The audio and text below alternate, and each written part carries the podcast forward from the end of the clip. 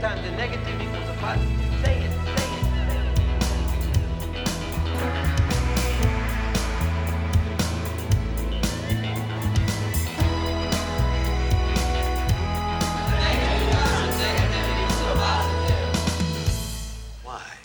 Hej och välkomna till Anpassa skolan-podden avsnitt nummer åtta med mig Sissi. Och med Jimmy. Ja, idag ska vi prata om särskilt begåvade elever och hur man kan anpassa skolan för dem. Precis, spännande. Ja, vad är då särskilt begåvade barn eller elever? Eh, det finns ingen tydlig definition. Utan det finns lite olika, alla använder olika siffror. Men det man kan säga är att ett särskilt begåvat barn är någon som inom ett eller flera områden eh, har en högre begåvning än sina jämnåriga. Ja. Precis. Och vad som är högre begåvning är oftast olika definitioner. Vissa är, är ett spann på de som är 20% och vissa på 5 till och med 2. Då går man nästan kommer på extremt eh, sär, särskilt begåvade barn. Om du tittar på en normalfördelningskurva eh, som är symmetrisk, därför annars är det ingen normalfördelningskurva. Eh, men i alla fall, så har, då kan du tänka att du har en kulle och i slutet av den kullen så har du de särskilt begåvade eleverna. På den högra sidan kan man På säga. den högra och då sidan, pratar vi precis. egentligen om intellektuellt. Ja, nej men precis. Och då, då är det så här, särskilt begåvade, är de som är intellektuellt särskilt begåvade. Och det stämmer inte, utan särskilt begåvad kan man vara, det kan handla om idrottsligt, att man är ja, men väldigt snabb till exempel, eller sånt. Eller det kan vara konstnärligt, att man har väldigt hög begåvning där. Eller det kan vara socialt, att man har en otrolig social kompetens, att man, ja, så.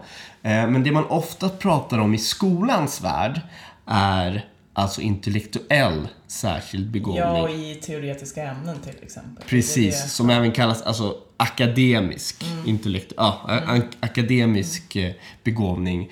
Och det är väldigt förknippat med IQ. Ja, det, ja precis. Mm. Precis. Och IQ hos elever, hos folk, hos oss människor är normalfördelade. Mm.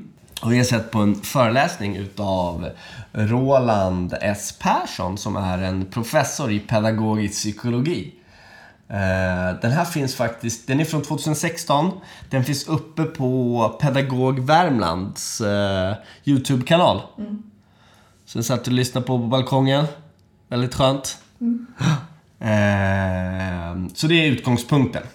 Och i många av Skolverkets texter så används eh, spannet från eh, alltså 5% utav eleverna som är särskilt begåvade. Eh, Roland börjar sin föreläsning ganska provocerande faktiskt.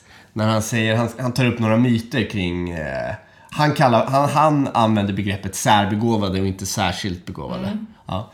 Men han säger så här att en myt är att alla är begåvade. Så han menar det är inte sant. Eh, och det är ju ganska provocerande. Och jag går, nu spolar jag tillbaka till slutet av hans föreläsning så är det frågor och svar och där är det faktiskt en som ställer frågan så här. Men kan, om man ser på begåvning på ett sätt och ser på längd. Ja, alla har ju en längd, men alla är inte långa. Just det. Ja. Alltså alla har en begåvning, men alla är inte begåvade. ja. Det var en Eh. bra sammanfattning. Ja, exakt. Han höll ju inte riktigt med där. Nej. Nej. Men jag tycker det var, ja men så kan man väl se det i, istället. Men det är lite myter då om det här med särskilt begåvade. Ska vi ta några av dem? Ja, en myt som han tog upp där, det är ju är man eh, särbegåvad eller särskilt begåvad så kan man och är bra på allt. Det stämmer alltså inte. Utan ofta är man bra, eller ofta är man begåvad på några saker eller extremt begåvade på vissa saker. Och man kan ju vara väldigt dålig på andra saker. Ja. En annan myt som man tar upp här är att särskild begåvning är helt och hållen medfödd. Det stämmer alltså inte. Och en, en annan också är att särskild begåvning är enbart inlärd. Och det stämmer inte heller, det är också en myt. Ja. Eh, och sen tar han upp att särskild begåvning är ett socialt privilegium. Nej. Man är, är man extremt begåvad så är det oftast motsatsen till ett privilegium. Det är väldigt svårt och jobbigt. Ja. Ja. Och sen den sista han tar upp här är särskilt begåvade är privilegierade och klarar sig ändå i skolan. Så låt oss ägna oss åt, låt oss ägna oss åt det svaga, svagt presterande istället. Och det stämmer inte utan eh, särskilt begåvade är den elevkategorin som behöver mest stöd och stimulans. Mm. Eh, man likställer gärna in, inlärningsstarka elever med emotionellt självständiga och starka. och det, det. det är inte samma sak. Nej. Ja, och vad som gäller där med att särskild eh, begåvning är medfödd och att eh, alltså den inte var helt och hållet medfödd och att det inte är helt och hållet inlärt. Okej, så det han eh, tar upp där är, han tar faktiskt upp en, han är väldigt provocerande mot Skolverket flera gånger kan jag säga. Eh, han tar upp en studie från 2013 som, ifall ni vill hitta den studien så kan ni söka på Shake Shaft Study. Vi kan lägga ut länken till studien. Mm. Den är i alla fall gjord i England på 30, nej, 11 000 elever. De är 16 år. Ja. Eh, och det är gjort på... eh, de använder sig av kärnämnena eh, för att hitta det här. Och de, de, den här studien visar att 50% är, eh, berodde på arvet. Okej. Om man var särbegåvad. Om man var särbegåvad. Och 50, de andra 50 procenten, alltså berodde på lärare, skolan eller alltså didaktiken. Ja. Så det är där mitt emellan.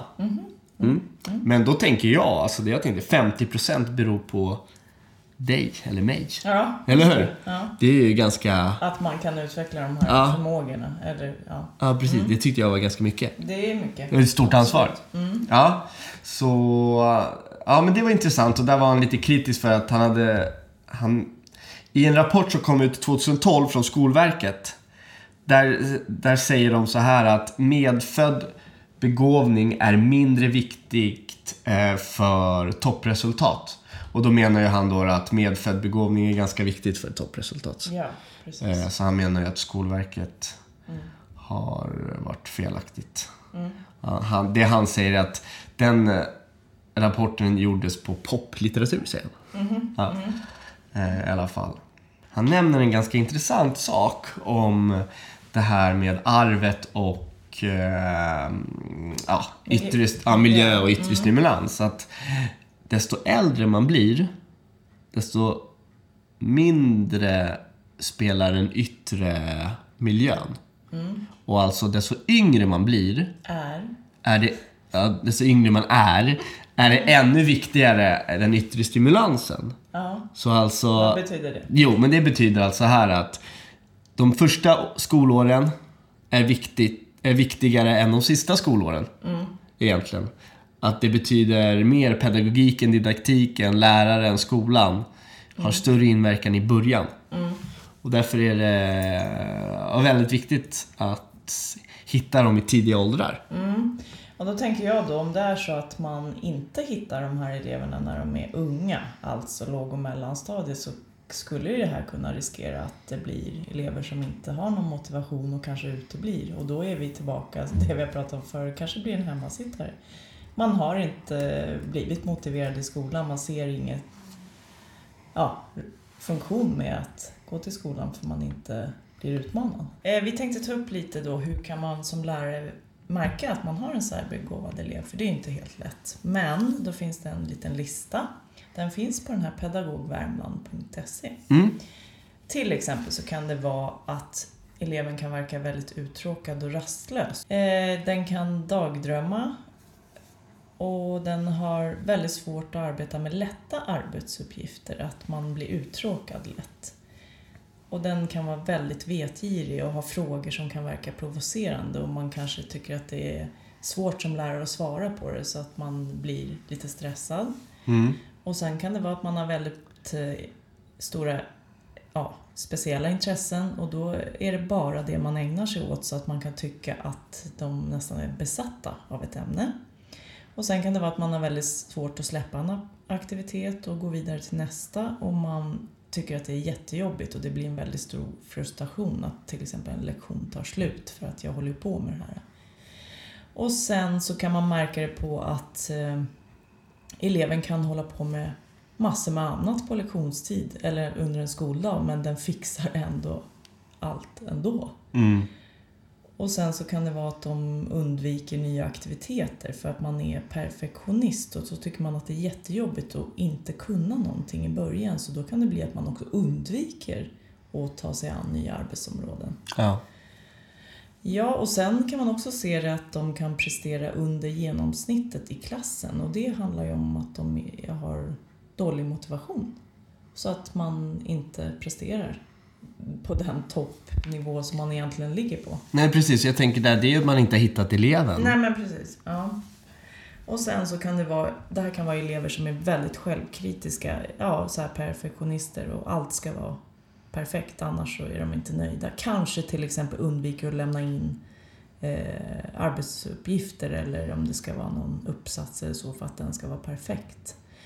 Och när vi har läst om det här och sett på filmer så kan ju vi också tänka att det här är väldigt liknande andra funktionsnedsättningar. Så det har ju vi pratat mycket om. Hur vet man att det är det här? Precis. Problematiken är väldigt lik. Ja, Ja. till exempel om du har autism eller ja, ADHD. Ja, jag tycker ja. det stämmer överens med mycket av det. Absolut, jag håller med. Jag håller Men det med. här är ju inte en neuropsykiatrisk funktionsnedsättning. Nej, det är det inte. Nej. Därmed sagt så kan en sär, särbegåvad elev kan ju ha en neuropsykiatrisk Precis, funktionsnedsättning. Men det är inte i sig en... Nej, Nej. precis.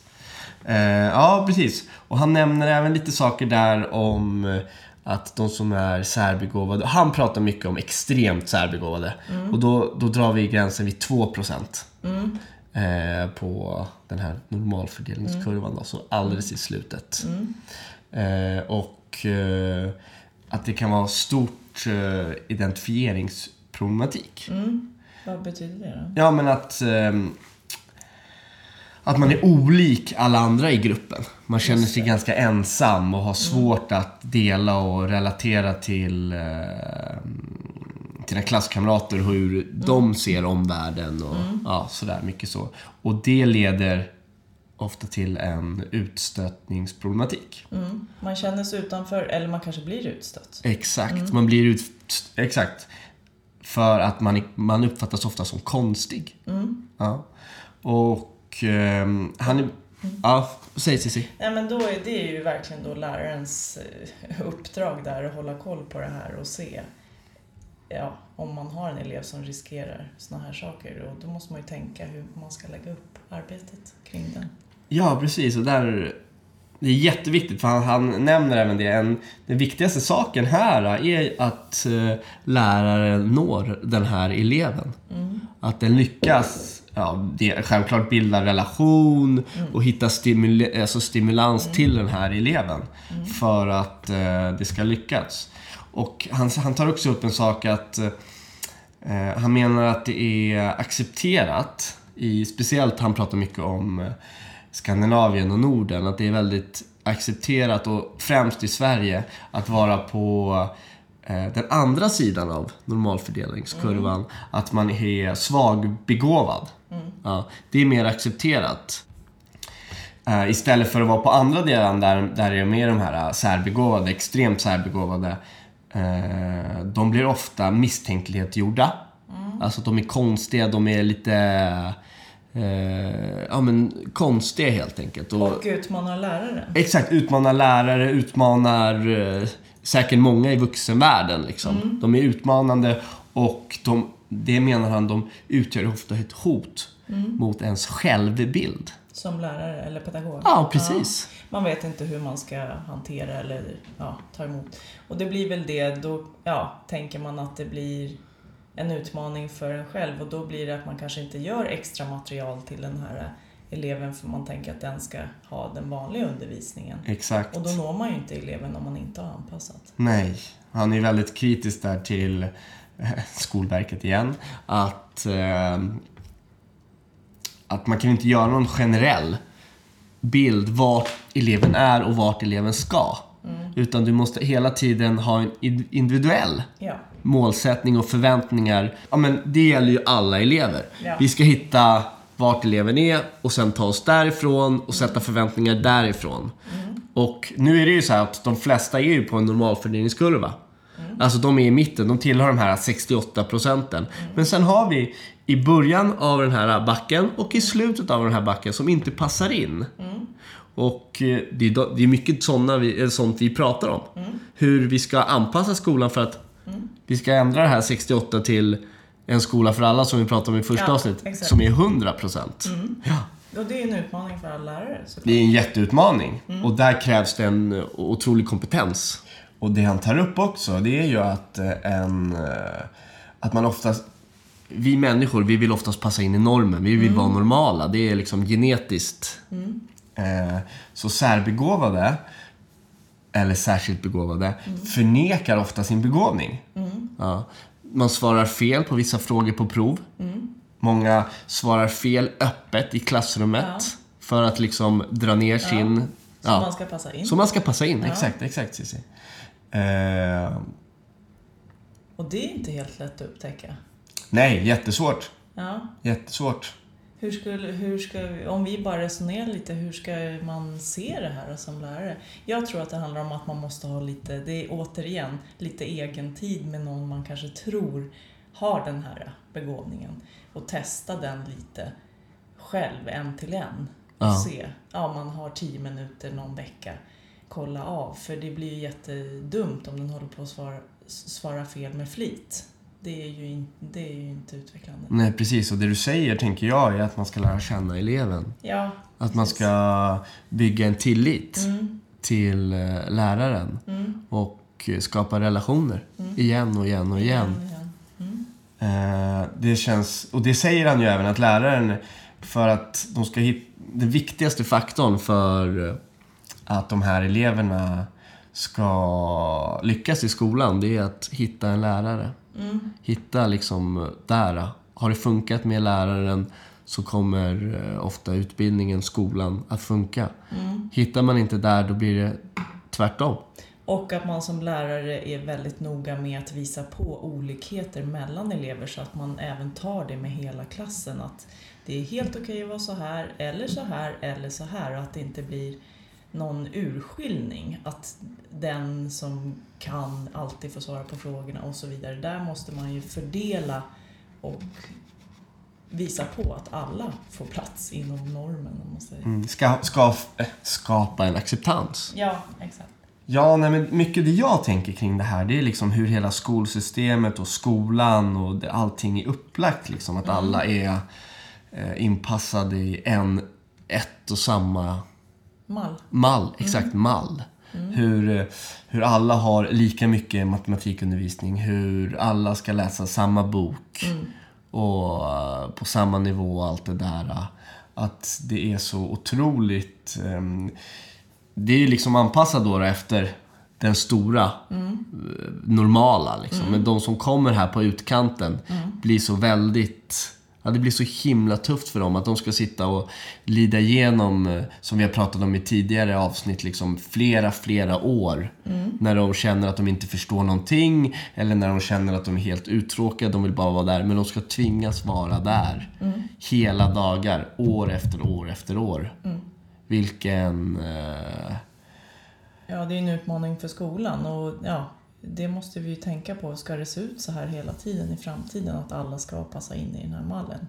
precis. Ja. Så sammanfattningsvis. Mm, så kan vi också berätta lite hur vi jobbar, du och jag, Ja. när vi har mött sådana här elever. Mm. Och det som vi har märkt då, det är ju, vi kan ju väldigt mycket individanpassa för vi har så få elever. Ja. Så då blir det ju att man, om man märker att man har en sån här elev så blir det att den behöver oftast inte repetera, de andra kanske kör lite repetition. Då har man redan färdigt material till de här som ja, är nästa steg. Ja, precis. Och man går vidare kanske lite snabbare och det blir ja, lite mer avancerade uppgifter. Eller till exempel i matematik, om du har en grundskoleelev så kan du ju redan börja med gymnasiematematiken. Gymnasiekursen, ja. Låta eleven springa iväg. Ja. Inte stå där och hålla fast för att här är gruppen så du måste vara kvar här. Utan låta Ja, springa iväg helt Ja. enkelt. och inte vänta på alla andra för det, blir, det är ju då man tappar en sån elev, för den tappar motivationen. Ja, det blir väldigt frustrerande. Ja, Och det är liksom ganska mänskligt att bli eh, omotiverad då. Man sitter och... Ja. Eh, och jag tänker själv när jag har mött såna här elever att man har gjort lite tabbar. Jag kommer ihåg att jag hade en elev som jag gav betyg i, i nian. Och så sa jag så här, ja, men i gymnasiet kommer du behöva jobba mer. ja just det. Du kommer, för att den här eleven, jag gav eleven ett A. Ja, Ja, och eh, hen hade inte jobbat alls speciellt flitigt på lektionerna det. utan hon var ju, eller hen var ju väldigt eh, understimulerad. Ja. Det var ju det det handlade om egentligen. ja, Eh, men jag tänkte att det här kommer inte du klara i gymnasiet. ja. Men jag skulle ju varit mer på där Ja, och eh. Mm. förstått. Det handlar om att jag inte visste. Nej. Eh, Vi lär oss. vi lär oss, exakt. Ja, det var väl det den här gången. Var det allt det? Ja, jag tänker det. Men ni får gärna mejla oss om det här programmet och alla andra program såklart. Precis. Eh, kom med nya förslag vad vi ska ha för eh, ämnen att prata om. Det uppskattas. Och en sak jag vill säga är att det är jättekul när man får kommentarer eh, både i eh, folk man träffar eller på mail eller i sociala medier. Vi uppskattar det jättemycket och blir jätteglada när man hör att ni lyssnar på oss. Eh, jättekul att höra verkligen. Bra. Tack för idag då. Tack